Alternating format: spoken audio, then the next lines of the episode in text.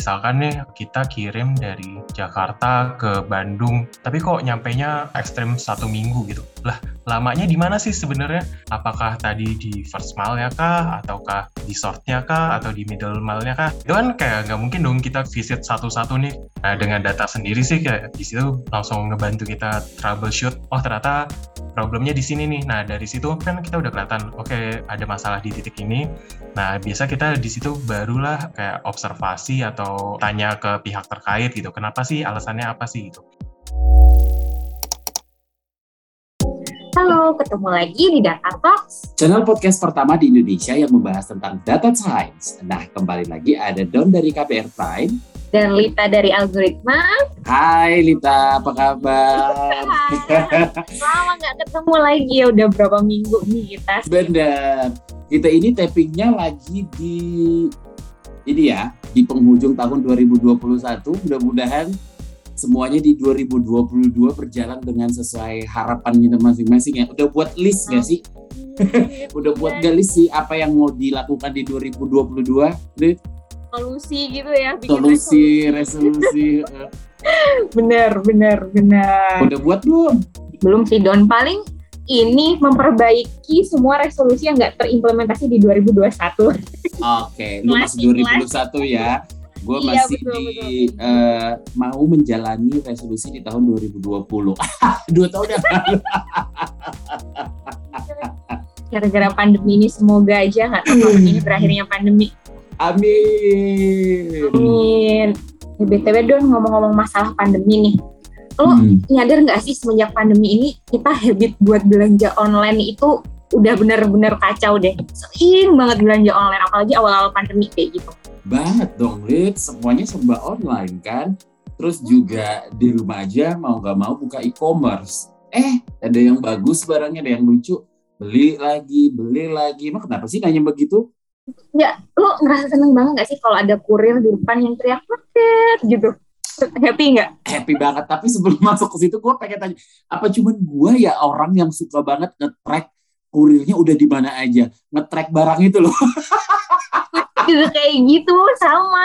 Wah ini barang gue udah nyampe mana nih? Kayak gitu. Iya. kapan nih? Siap-siap nih mau ngambil di depan kosan gitu. Iya, bener, bener. udah sampai pul mana ya? Ah sudah sebentar lagi. Aduh paket itu sedang dalam perjalanan. Apa cuman gue lu juga begitu lihat banget gue juga kayak gitu. Soalnya senang happy banget kalau ada mas kurir bilang paket gitu. Wow langsung gede-gede tapi kenapa lu ngomongin soal paket terus juga ngomongin soal belanja online lu mau ngenalin gue sama abang-abang paket atau perusahaan paket?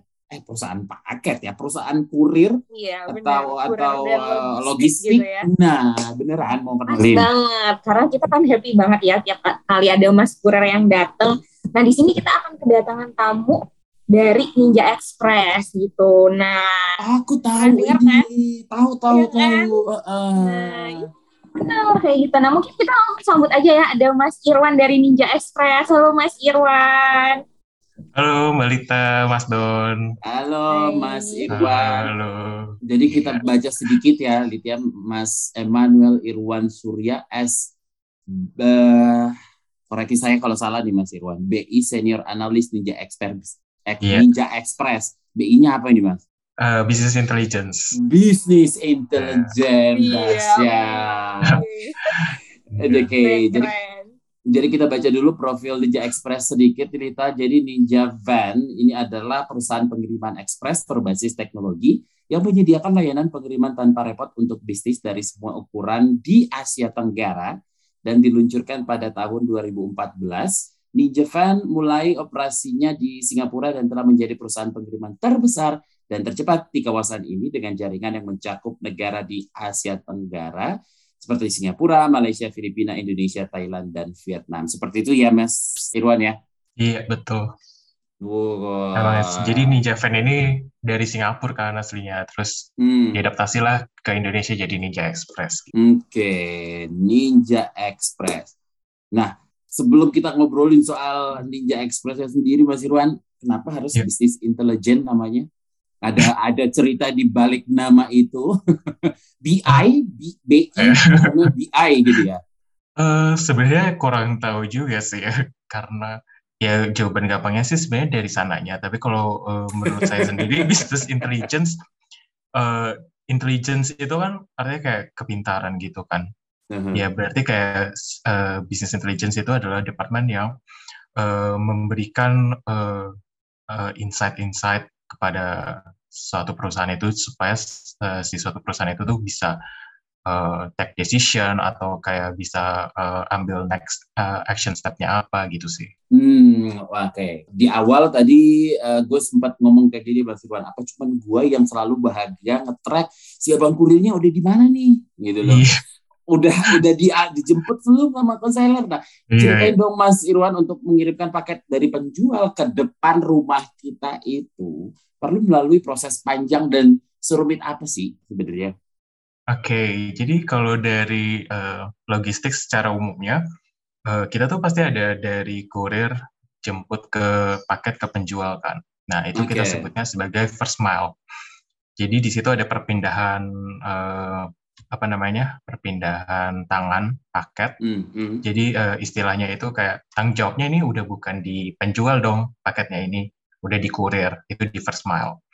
Nah, dari first mile dari kurir kita itu antar paketnya ke eh, fasilitas kita atau gudang kita gitu, atau kita biasa sebutnya hub. Nah, hub. di situ di nah, hub iya, itu, hub, hub ya. Oke. Okay. Nah, eh, sampai situ kan tanggung jawabnya si kurir first mile ini. Terus berarti sekarang tanggung jawabnya dioper lagi dong ke uh, gudang kita, ke hub kita itu, di, uh, yang namanya sort. Jadi di sort ini uh, paket itu dikumpulin jadi satu, terus uh, dikelompok-kelompokin kan jadi uh, mana nih yang dikirim ke Sumatera atau mana nih yang dikirim ke Surabaya gitu. Uh, itu semua prosesnya di sort. Nah, habis dari sort, uh, kita uh, pindahin lagi nih paketnya dari hub kita yang satu ke hub yang lain. Itu namanya middle mile. Jadi uh, misalkan tadi dia paket udah di uh, di hubnya yang di Jakarta, terus uh, kan banyak paket nih dikumpulin jadi satu lah ya. Jadi satu karung, terus uh, berkarung-karung jadi satu truk. Satu truk itu akhirnya uh, bisa berangkat ke Surabaya misalkan. Nah, proses pergerakan si truk itu dari Jakarta ke Surabaya itu yang dinamakan middle mile. Nah, terus terakhir ada dari dari uh, fasilitas kita ke tangan customer. Uh, itu namanya last mile. Jadi uh, benar-benar kurir anterin terus yang teriak paket di depan rumah itu, nah itulah last mile ya. Nah, uh, itu kan ada empat proses utama, tapi uh, in uh, sebenarnya itu uh, jadi uh, mungkin aja dalam proses pengiriman antar satu origin sampai destination-nya itu dia bisa lewatin ber, uh, beberapa kali sort atau beberapa kali middle mile gitu. Jadi uh, ya yang tadi deh misalkan dari Jakarta ke Surabaya, tapi kan dari Surabaya itu masih di gudangnya nih Mm-hmm, dan mm-hmm. Surabaya itu kan cakupannya luas kan. Iya. Yeah. Kan berarti kan harus disebar-sebarin lagi dong gitu. Panjang ya Bos ya. Nah, iya. Yeah, betul. Karena kebetulan kita ngomongin soal data science. Nah, dari proses panjangnya tadi itu eh, apa namanya? data science-nya atau apa di, apa ya dinamakan? Apa sih AI-nya atau apanya lah itu yang diterapkan itu di bagian mananya tuh Mas? first mile-nya itu kah atau di hub-nya kah atau di mananya atau di karung si abang paketnya jadi dia tahu ke mana harus diantarkan ke yeah. RT mana ke gang mana mana itu mas sebenarnya di semuanya sih semuanya bisa diterapkan oh, okay. udah bisa dan udah diterapkan uh, prosesnya data science ini jadi gampangnya sih sebenarnya uh, yang paling general itu pasti uh, forecasting dong um, jadi kan uh, logistik ini pasti berkaitan erat dengan uh, kecepatan pengiriman paket lah ya. Dan mm-hmm. kecepatan pengiriman paket itu berkaitan erat dengan kapasitas kita uh, antara itu uh, okay. kapasitas sortnya kah atau kapasitas manpower kita kah. Jadi kalau misalkan tiba-tiba paket uh, membludak nih datang, terus eh ternyata kita nggak punya kurir buat antar, pasti lama dong uh, pengirimannya itu jadi terhambat dong. Terus kayak customer jadi komplain lah kayak kenapa nih paket gue nggak datang datang gitu kan. Kok nggak gerak gerak kok nggak gerak gerak nih di live gitu. tracking kan? Gitu dari tiga hari lalu kok masih di tempat di gudang ini terus ya kan? uh, uh, cemas iya. cemas. Cemas. Nah, betul cemas. Nah itu sih jadi kayak um, dari forecasting uh, kita sebutnya capacity planning. Jadi uh, di situ kita menggabungkan data dari partnership kita, jadi dari rekan-rekan kita yang marketplace, uh, mereka kan biasa udah forecast duluan nih, uh, kira-kira dari marketplace sendiri berapa nih uh, order yang akan masuk di hari-hari campaign gitu misalkan. Terus kita juga lihat dari historical data kita, uh, capacity kita itu gimana sih, terus uh, lead time step prosesnya gimana sih. Gitu. Nah, misalkan order itu order itu datang di tanggal di tanggal 12 12-nya lah ya. Tanggal cantik 12 12, 11 11 hmm. Gitu. Tapi kan tuh pasti Mas. Betul, membludak kan. Nah, tapi kan uh, bisa jadi dia uh, dia itu uh, di proses sortnya membludaknya bukan di tanggal itu, bukan di tanggal 11 11 kan. Oh. Karena 11 11 itu kan baru order masuknya gitu. Tapi okay. bisa jadi di proses sortnya atau di proses middle mile-nya tingginya tuh bukan di tanggal itu, tapi di, pasti di tanggal-tanggal eh, sesudahnya kan. Mm-hmm. Itu sih. Nah, uh, jadi di situ kita uh, memastikan uh, pertama kita tuh hire, uh, kita udah mempersiapkan manpowernya itu uh, udah sesuai, dan pasti juga kita nggak mau uh, kita hire manpower, tapi ternyata ordernya yang datang cuma sedikit gitu, karena mm-hmm. uh, peaknya itu bukan di tanggal segitu gitu kan. Jadi kita harus pasir lah uh, kapan kita um, hire manpowernya, uh, terus di mananya juga gitu. Terus uh, antisipasi juga kayak biasanya dari historical data, biasanya ada masalah di mana, uh, terus uh, kalau misalkan ada masalah di satu hub kita, kita bisa alihin ke hub mana gitu sih. Hmm, udah mulai masuk istilah-istilah forecasting yeah. dan temen-temennya gue kalihin ke Lita nih. nih. Oh iya, iya. Bener banget dong, banget gue soalnya. Nah tadi kan kita udah ngomongin forecasting ya mas ya. Nah biasanya yeah. kan itu kalau uh, misalkan pengiriman kan ada yang biasanya customer itu milihnya dia itu yang reguler atau misalkan yang express kayak gitu-gitu kan. Nah itu mm -hmm. juga kayak ada di forecast nggak sih mas kayak kira-kira pengiriman tuh akan lebih cepat lewat darat, udara atau laut nih kayak gitu-gitu tuh kira-kira ada sistem forecast kayak gitu juga nggak kayak biar eh, ini tuh membedakan gitu ya estimasi uh, uh, hmm. kayak gitu gimana? Oh iya iya ada juga ada juga forecasting uh, tapi mungkin kalau uh, pemilihan moda transportasi itu lebih ke pas kita uh, awal apa ya kalau misalkan kan kita ada red normal, terus ada red ekonomi gitu kan. Mungkin lebih ke situnya sih. Kalau misalkan uh, ke forecasting biasanya lebih berkaitan erat uh, dengan uh, konsolidasi paketnya gitu. Mungkin juga, mungkin juga kayak pemilihan moda transportasi. Jadi misalkan nih, uh, kalau misalkan tiba-tiba di pengiriman ke Pulau Sumatera nih, biasanya kita menggunakan jalur udara. Tapi ternyata ada force major gitu ada uh, atau kayak tiba-tiba ya pokoknya uh, dengan satu uh, alasan kita tidak bisa menggunakan jalur udara. Ya terpaksa kita pilih uh, jalur yang lain gitu. Bisa jalur darat bisa jalur laut gitu um, ada ininya ya mas ya teknis sendirinya gitu ya, iya uh, sampainya tuh sesuai dengan estimasi customer gitu ibarat iya oke okay, berarti dari tahapan itu berbeda nah apa yang dirasakan Ninja Express sendiri nih, Mas Irwan, saat menggunakan data science? Uh, yang pastinya terbantu banget sih. Jadi hmm. Hal simpelnya adalah ya tadi kan kalau kita logistik itu pasti berkaitan erat dengan kecepatan pengiriman lah ya. Tapi uh, misalkan nih uh, kita kirim dari Jakarta ke Bandung, tapi kok nyampainya uh, katakanlah ekstrim satu minggu gitu. Lah lamanya di mana sih sebenarnya? apakah tadi di first mile-nya kah, ataukah di short-nya kah, atau di middle mile-nya kah, gitu kan. Nah, itu kan kayak nggak mungkin dong kita kayak uh, visit satu-satu nih, kayak kita pantau satu-satu. Uh, ya, maksudnya kayak kita liatin ke lapangannya, first mile-nya udah cepet atau belum, yeah. terus short-nya udah cepet atau belum, middle mm. mile-nya, last mile-nya gitu kan. Yeah. Nah, dengan data sendiri sih kayak uh, di situ langsung ngebantu kita troubleshoot, oh ternyata problemnya di sini nih. Nah, dari situ dari data itu kan kita udah kelihatan, oke okay, uh, ada masalah di titik ini. Nah biasa kita di situ barulah uh, apa ya kayak observasi atau uh, ya tanya ke pihak terkait gitu, kenapa sih alasannya apa sih gitu. Karena kan hmm. alasan itu sendiri sebenarnya nggak nggak bisa terlihat secara data gitu kan. Data kan cuma bisa kasih tahu apanya, tapi mengapanya kita juga harus cari tahu lagi nih gitu. Canggih, canggih. Berarti, eh, nah tadi terkait pertanyaan dari Lita juga nih Mas Irwan, kan itu ada yep. beberapa eh, apa ya bilangnya berarti berada beberapa jenis pengiriman ya reguler, yep. ekspres, terus juga eh, kilat lah, besok nyampe lah atau apalah gitulah. Berarti itu juga eh, eh, menggunakan data science di situ atau atau gimana? Uh, boleh diceritain sedikit nih Mas Irwan prosesnya? Kalau kecepatan pengiriman itu uh, sebenarnya uh, nggak terlalu banyak sih, karena uh, prosesnya bakal sama sebenarnya uh, kurang hmm. lebih. Cuma ya kalau misalkan uh, customer memilih apa ya namanya tadi ada reguler ada ekspres gitu yeah, kan. Yeah. Misalkan dia memilih ekspres berarti ya proses operasi kita beda aja gitu. Jadi kayak yang yang biasanya lewat uh, prosesor, tapi kali ini kalau dia pilih yang express, oke okay, berarti yang proses ini kita cut gitu. Hmm, termasuk juga prosesnya kalau bebas ongkir ya mas ya? kalau bebas ongkir sih itu masalah promo sih. Oh masalah promo. Oh. iya sih.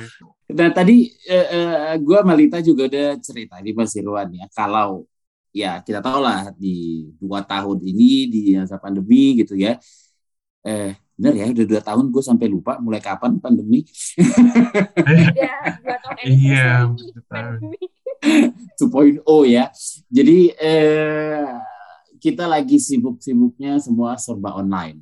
Semua orang belanja online yeah. semua serba langsung ke depan rumah kita gitu betul. gitu kan. Datanya melimpah tuh pasti. Datanya betul, melimpah betul. di perusahaan eh, logistik. Nah gimana nih implementasi data science di industri logistik di Indonesia saat ini sudah um, cukup uh, oke okay kah atau memang masih uh, kurang karena uh, banyaknya permintaan atau karena gimana mas? Menurut saya sudah cukup oke okay, tapi pasti masih bisa dikembangin lah ya.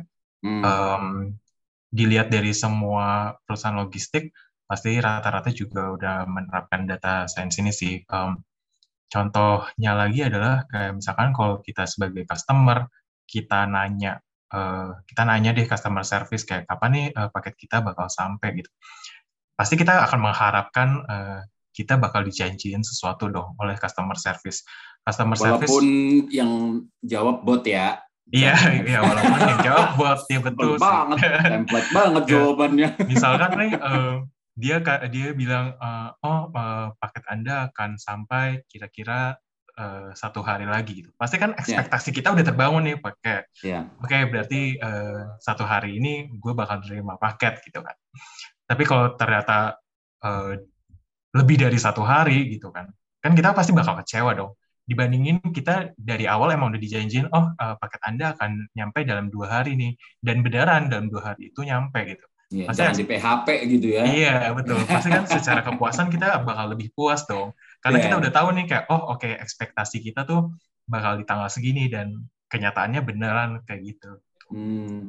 Sesimpel itu sih, uh, bukan sesimpel itu sih, tapi kayak uh, salah satu penerapan di uh, industri logistik secara umum, salah satunya seperti itu. Mm -hmm. Ya, customer itu sih inginnya kejelasan ya Mas Irwan. Jangan PHP gitu. ya. karena menunggu ya. menunggu yang nggak pasti itu nggak enak. Lah kenapa jadi curhat?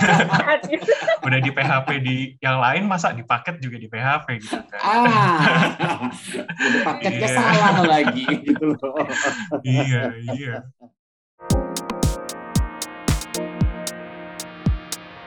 Uh, ini nggak tahu deh mungkin nanti Lita bisa uh, menyambung pertanyaan dari gue.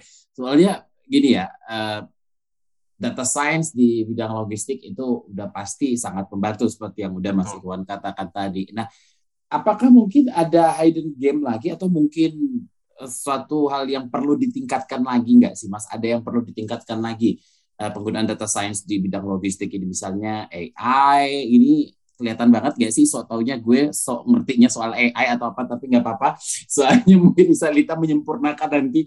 Misal biar lebih sempurna. Ini misalnya nih gue lagi pengen belanja gitu loh. Jadi eh, biar lebih cepat. Aja gitu misalnya pagi sore udah nyampe. Eh di depan rumah atau misalnya gimana gitu mas? Yeah. apa yang perlu ditingkatkan di, bidang uh, logistik ya terutama penggunaan data science ini? Kalau secara umum tuh pasti uh, data science itu uh, bakal berhubungan juga sama penerapan uh, apa ya teknologinya mm. uh, di logistik itu sendiri kan Eh, kita bisa lihat uh, contohnya adalah uh, seperti si Amazon. Gitu. Amazon kan ada moda transportasi yang dia kirimin pakai drone, gitu kan. Nah, ya, uh, ya dari drone itu sendiri kan uh, kecepatannya uh, gimana, terus customer satisfaction-nya gimana, berapa banyak kasus, uh, terus berapa coverage-nya atau uh, range barangnya kayak seberapa berat gitu kan itu kan pasti kan kayak bakal balik lagi ke capacity planning itu lagi gitu kan.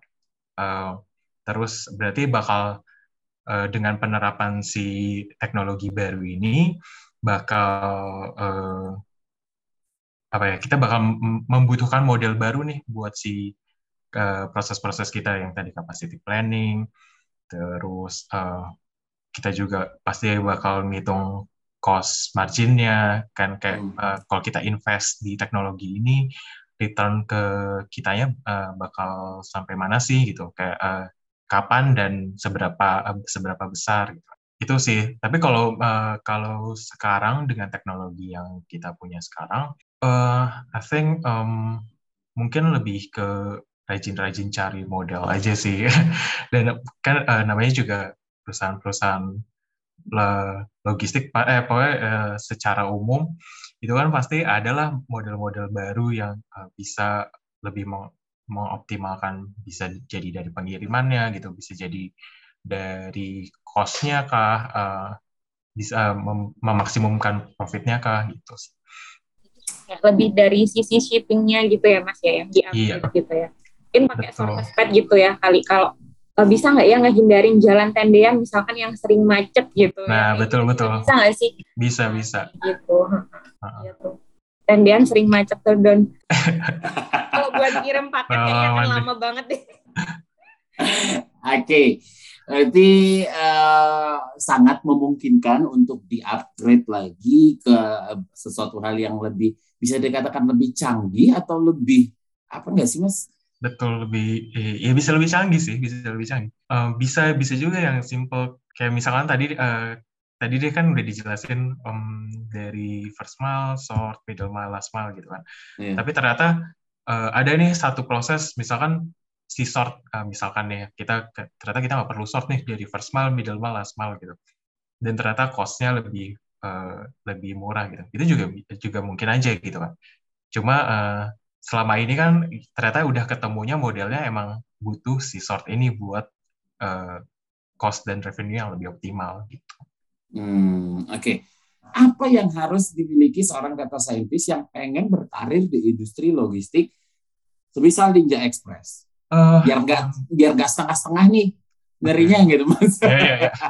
Yang pasti sih uh, mindset problem solving. Jadi uh, pasti hmm. harus bisalah dia kalau dihadapkan satu masalah dia harus bisa identify objektifnya apa sih yang dibutuhin apa sih gitu terus impactnya seberapa besar sih terus kalau uh, mostly sih pasti butuh uh, secara teknis itu butuh SQL uh, uh, bahasa pemrograman yang buat um, tarik data dari database kita gitu kan hmm, hmm. Terus mungkin ada juga uh, beberapa butuh Python butuh Excel untuk uh, tergantung lah ya kebutuhannya gimana. Tapi pasti eh, yang pasti sih SQL menurut saya paling paling harus ada gitu. Sisanya bisa lah dipelajarin gitu sih. Nah, oke. Okay. Berarti uh, gue pengen tanya nih ke Mas Irwan, gimana sih Mas Irwan bagi dong tips and triknya supaya bisa menjadi seperti seorang Mas Irwan BI, Business Intelligence enggak serem ya intelijen namanya gitu ya. Coba dong Mas Irwan berbagi tips and triknya. Um, oke okay, jadi pasti pertama itu harus punya uh, mindset uh, tentang uh, problem solving itu sendiri. Jadi hmm. uh, kalau dihadapkan dengan satu masalah gimana sih cara nyelesainnya, terus tools apa sih yang diperluin gitu, terus data apa sih yang dibutuhkan. Nah, kalau udah punya itu, uh, biasanya bakal lebih gampang nih. Jadi, uh, jadi kan kita tinggal tinggal cari aja lah tools yang sesuai gitu kan. Ya. Yeah. Nah, uh, kalau dari uh, toolsnya itu sendiri atau hard skill-nya itu sendiri, biasanya sih uh, kalau business intelligence itu pasti harus menguasai SQL itu udah pasti. Um, terus uh, additional point kalau bisa Python, bisa R atau JavaScript yang lain-lainnya lah ya. Uh, kenapa butuh SQL? Karena kan kita butuh uh, butuh tarik data, uh, manipulasi data itu pasti kan uh, butuh SQL ini gitu, buat narik data dari database kita. Um, udah sih itu palingan sama ya paling um, banyak banyak banyak uh, baca ter, uh, terkait industri yang uh, pengen di apply gitu. Jadi misalkan kalau industri logistik masalah-masalah yang sering dihadapin tuh apa sih gitu? Kalau misalkan uh, industri kesehatan uh, nah masalah-masalah yang dihadapin apa sih? Metrik-metrik yang digunakan apa sih? Oke, okay. dan sepertinya Lid ya, semua uh, lini pekerjaan, alah berat bahasanya ya, lini pekerjaan atau semua apa namanya posisi pekerjaan di sebuah perusahaan itu data science itu berarti sangat diperlukan seperti ya semuanya ya. Lu udah kenalin gue, apalagi uh, seperti sekarang Mas Irwan ada di bagian logistik gitu kan. Siapa siapa sangka ternyata uh, paket yang kita terima di depan rumah itu ternyata ada seorang Mas Irwan yang berjibaku dengan banyak data, alamat-alamat kalian semuanya itu ada di tangan Mas Irwan gitu loh. Nah, apa yang harus gue lakukan nih? Uh, kayaknya tertarik deh, kayaknya data menjadi uh, uh, data scientist atau menjadi BI seperti Mas Irwan itu ternyata karir yang sangat menjanjikan. I do, Lita? Nah, oke okay nih Don. Jadi kayak buat hmm. para pendengar semuanya yang pengen menjadi seorang Mas Irwan gitu ya. Pengen hmm. menjadi sosok seperti Mas Irwan yang paham terkait data gitu ya. Terus. kira-kira kalau ada data kayak gini tuh uh, dia itu akan menghasilkan bisnis luas yang kayak gimana sih outputnya hmm. kayak gitu tuh bisa aja langsung join di algoritma data science school Don kayak gitu karena ya mungkin namanya data science ya tapi di sini tuh kita belajar juga SQL terus tadi semua yang disebutin sama Mas Iwan tuh kita juga belajar ada Python juga, terus gimana cara kita menganalisis bisnis dari data kita tuh kita juga belajar di situ doang. Jadi nggak cuma hanya untuk labelnya data science aja ya, tapi ada SQL juga, ada gimana cara bisnis insight-nya menggali itu kayak gimana sampai nanti menghasilkan keputusan yang bermanfaat kayak gitu Don. Tertarik hmm. mungkin? pastilah kita udah episode keberapa ini pasti ya, tertarik banget kayaknya bakal memang menjadi uh, karir yang menjanjikan benar nggak Mas Irwan? Betul betul.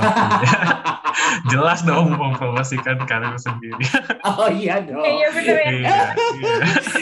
Karena ya memang jadi buat yang lagi dengerin podcast ini nggak usah ragu-ragu untuk bergabung dengan algoritma karena uh, seperti yang kita katakan tadi, algoritma adalah penyedia layanan pelatihan workshop, bootcamp, terus juga ada uh, in-house training juga ya Lita ya, untuk ya, data science yang dibangun dengan visi untuk mendistribusikan ilmu data science ke berbagai kalangan dan membekali para profesional dengan keterampilan seputar data yang semakin dibutuhkan dalam, ini harus digarisbawahi, dalam berbagai industri. Betul, setuju. Okay. Oke, okay. mungkin uh, sebagai terakhir nih ke Mas Irwan. Mas Irwan, um, apa ya? Tadi udah sempat kepikiran juga sih. Uh, apa sih? Uh, ini belum gue tanya. Apa sih suka duka menjadi seorang BI, apalagi dalam bidang logistik nih, Mas? Banyak komplain nggak sih dari para uh, customer yang sudah diberikan bebas ongkir ini. Astaga. Gimana mas? Bukan duka aja mas. Mau penasaran soalnya dari ya ini luar biasa sih sebetulnya. Terima kasih buat apa namanya industri logistik terutama Ninja Express yang sudah membawakan apa namanya paket-paket gue dengan selamat ya kan di sampai depan rumah oh ya tinggal pakai gitu gimana Mas Irwan apa ya suka dukanya itu Kalau sukanya sih uh, mungkin tahu banyak alamat orang gitu. Enggak dong, itu kan data sensitif. Iya iya iya. iya. Kalau sukanya sih mungkin lebih ke uh, mungkin kayak uh, kadang tuh seru aja gitu karena uh, ketika orang lain pengen tahu uh, ya tadi deh kayak kenapa sih ada masalah ini gitu, masalah A di proses uh, ini terus uh, mereka tanya ke kita. Nah, di situ kan kita kayak kayak apa ya kayak semacam investigator gitu loh kayak semacam hmm. detektif terus kita kita cari tahu lah dengan data oh ternyata ke keluarannya ternyata karena kayak gini gitu. Nah di situ kan ke apa ya kayak jadi berasa kita tuh uh, benar-benar dibutuhin nih sama uh, sama stakeholder stakeholder lain gitu kan. Nah kalau dukanya sendiri sih uh, dari data kadang nih uh, kita lagi ngolah data. Ternyata uh, adalah uh, data itu enggak enggak yang sesuai kita ekspektasikan. Bisa jadi data itu banyak yang uh, dirty gitu atau bisa jadi uh, kita udah olah data ternyata data itu sampelnya nggak uh, cukup besar gitu kan hmm. hasil uh, insight yang insight dan analisis yang kita keluarkan nggak nggak se yang nggak se nggak sebaik itulah gitu yang dari yang kita ekspektasikan di awal. Oke. Okay. Sesuai harapan gitu ya. Iya, nggak sesuai harapan. Iya sih, sering terjadi ya. Iya. Biasanya.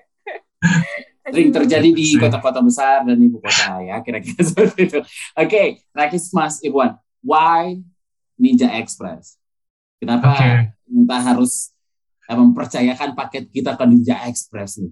Karena uh, Ninja Express itu udah uh, tech-enabled company ya, jadi kayak benar-benar semua proses itu kita terapkan big data jadi kayak nggak uh, ada proses yang enggak kita masukin maksudnya nggak tercatat sebagai data kita gitu. Jadi uh, dan kita juga uh, lagi ekspansi juga besar-besaran kita juga keep improving. Dan kalau kalian tahu juga kita baru dapat suntikan dana juga kan. Jadi uh, ke depannya uh, kita bakal bakal berkembang banget dan kita juga lagi apa ya ya pokoknya uh, kita bakal berkembang banget deh uh, ke depannya dan uh, customer service yang kita berikan uh, itu juga uh, baik. Kan uh, kemarin kita menang award penghargaan customer service terbaik juga kan. Ya itu sih. nah kalau dari um, kalau dari Ninja Express sebagai tempat bekerja ya, Ninja Express itu tuh um, perusahaan yang menurut saya sangat banyak memberikan pembelajaran gitu dan kita encourage bukan kita sih. Eh ya kita sih. Maksudnya kayak si levelnya terus uh, senior manajernya VP-nya mereka tuh sangat uh, encourage kita buat belajar. Terus dan mereka tuh yang kayak kalau misalkan kita ngelakuin kesalahan uh, juga kita, mereka yang bukan bukan menghakimi langsung gitu. Tapi kayak uh, oke okay, gak apa-apa kalau salah uh, oke okay, itu jadi pembelajaran aja gitu. Oke okay, next time jadi kayak gitu. Tapi hmm. uh, ayo kita melangkah bersama-sama kayak buat yang lebih baik. Itu benar-benar dipupuk banget deh. Dan salah satu value kita juga emang gotong royong gitu. Jadi kayak semuanya in sync gitu. Kayak nggak ada yang salah-salahan gitu. Tapi kayak kita bekerja bareng bersama gitu sih Wow, sepertinya beberapa tahun ke depan akan semakin banyak ninja-ninja yang akan mengantarkan paket ke rumah-rumah Anda. Jadi nantikanlah gitu ya. Yeah. Oke, jalan ninja terbaik adalah Ninja Express. Oke, okay. mungkin uh, kalau terakhir dari gue, coba sampaikan ke abang-abang kurir dari Ninja Express semua Mas Irwan tetap semangat mengantarkan paket-paket uh, seluruh masyarakat Indonesia ini walaupun dalam keadaan hujan, panas dan semuanya dan tolong menjaga paket-paket kita yang sangat berharga itu ya Mas Irwan. Siap, siap. kita mungkin ada yang mau disampaikan?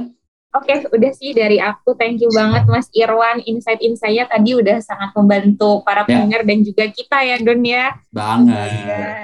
uh, uh, host maupun co-host kayak gitu. Baik, terima kasih sudah mendengarkan semuanya. Sekali lagi terima kasih Mas Irwan. Salam buat teman-teman yang ada di Ninja Express semuanya. Coba diperhatikan nama-nama kita dan Brady, Dian Nurlita. Kalau ada paket atas nama kita segera dikirim ya Mas Irwan ya. Iya. langsung prioritas. Iya. Mas Don dan Balita langsung diprioritasin. Iya. Terima kasih Mas Irwan. Thank you Mas Irwan. Thank you juga Mas Don. Thank you Mbak selanjutnya. Lita.